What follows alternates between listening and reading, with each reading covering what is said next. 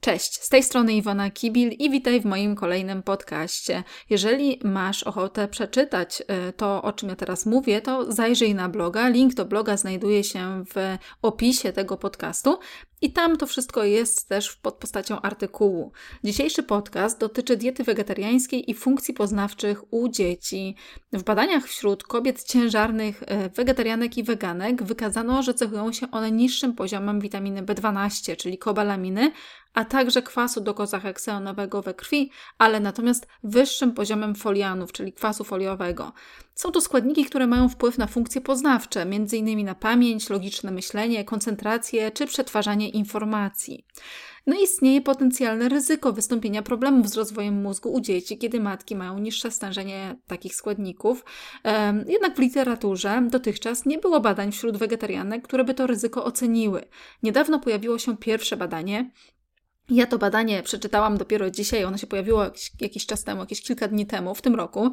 Ja je dopiero teraz e, przeczytałam i postanowiłam umieścić pod postacią e, postu i podcastu na blogu Dobrze, więc tak, jeżeli chodzi o te składniki takie jak kwas foliowy, witamina B12 i DHA, to też znajdziesz na blogu bardzo dużo informacji w tym temacie i wśród kobiet ciężarnych, i wśród dzieci, bo dotychczas faktycznie w badaniach no, było niskie stężenie DHA i B12 e, wśród wegetarian i wegan, ale to po prostu to się da naprawić, tylko po prostu to jest myślę, że mniejsza świadomość, że te składniki są niezbędne i po prostu nie zwracanie uwagi w jadłospisie na te składniki.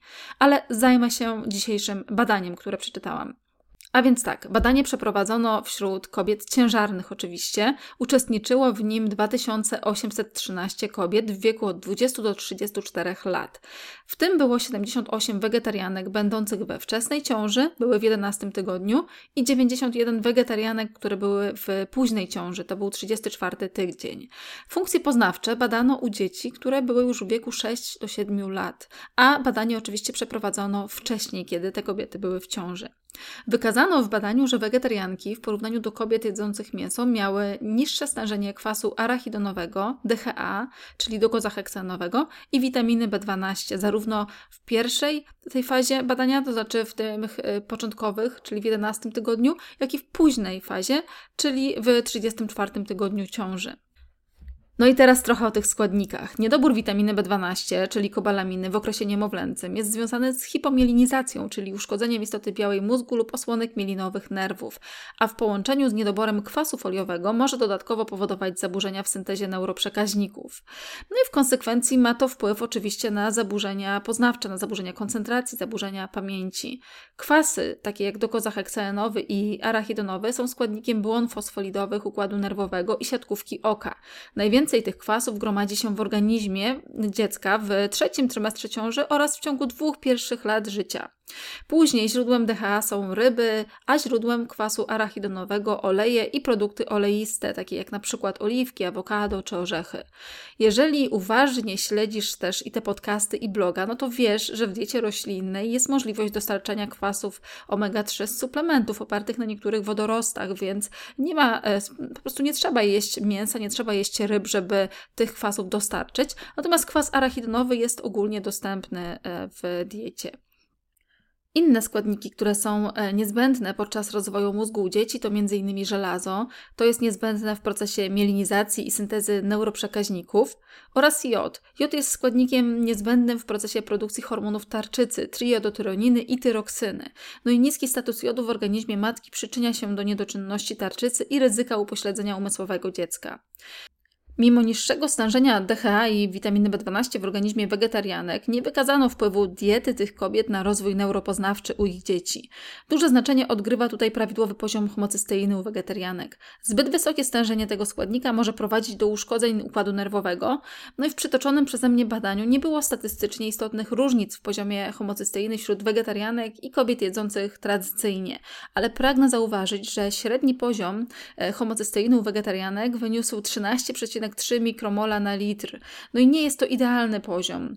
E, niektóre z nich miały nawet 19,8 mikromola na litr, co jest już powyżej normy. Idealnie byłoby mieć poziom tego wskaźnika poniżej 10 mikromola na litr, Aby osiągnąć taki poziom, witamina B12 i kwas foliowy muszą być pod kontrolą. I o tym możesz więcej przeczytać na blogu. Wystarczy, że wpiszesz w wyszukiwarkę homocysteina.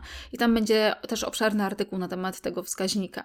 Wegetarianki w badaniu ponadto cechowały się wyższym wykształceniem, dłuższym czasem karmienia piersią, mniejszą tendencją do palenia papierosów w czasie ciąży, no i wyższym poziomem IQ w porównaniu do kobiet jedzących mięso, więc tutaj wypadły bardzo pozytywnie. Wyniki tego badania wskazują na brak negatywnego wpływu diety wegetariańskiej na rozwój neurokognitywny dzieci. Oczywiście należy pamiętać również, że dieta kobiety ciężarnej powinna być zbilansowana i wzbogacona o niezbędną suplementację witaminą B12, jodem, kwasem foliowym, DHA i witaminą D. Trzeba pamiętać o tych składnikach, bo dzięki temu zapobiegasz wszelkim nieprawidłowościom w rozwoju mózgu u dziecka. Jeżeli, jeżeli teraz zastanawiasz się, dlaczego tyle suplementów, to jeszcze chciałabym tylko dodać, że kobieta, która nie jest wegetarianką, w zasadzie musi to samo suplementować, bo też witamina B12 jest, e, powinna być na wyższym poziomie w organizmie nawet kobiety, która je mięso. Oczywiście to badanie miało również ograniczenia. Przede wszystkim ograniczeniem badania była stosunkowo mała próba wegetarianek w porównaniu do kobiet jedzących mięso, a także brak weganek w badaniu, bo były tam tylko wegetarianki. Wegetarianki stanowiły też niewielki procent wszystkich kobiet biorących udział w takim dużym badaniu, ale trzeba wziąć pod uwagę fakt, że jest to pierwsze takie badanie uwzględniające tę grupę żywieniową, więc czekamy na inne w przyszłości. Jeżeli podcast Cię zainteresował, to zachęcam Cię do zajrzenia na bloga. Tam znajdziesz dużo więcej informacji informacji. Nie wszystkie artykuły są niestety e, nagrywane, natomiast e, wiele z tych dłuższych możesz posłuchać jako podcast, czy tutaj, czy na kanale, na, na kanale YouTube, ale możesz też przeczytać bardzo dużo ciekawych artykułów i zobaczyć przykładowe jadłospisy. Do usłyszenia następnym razem.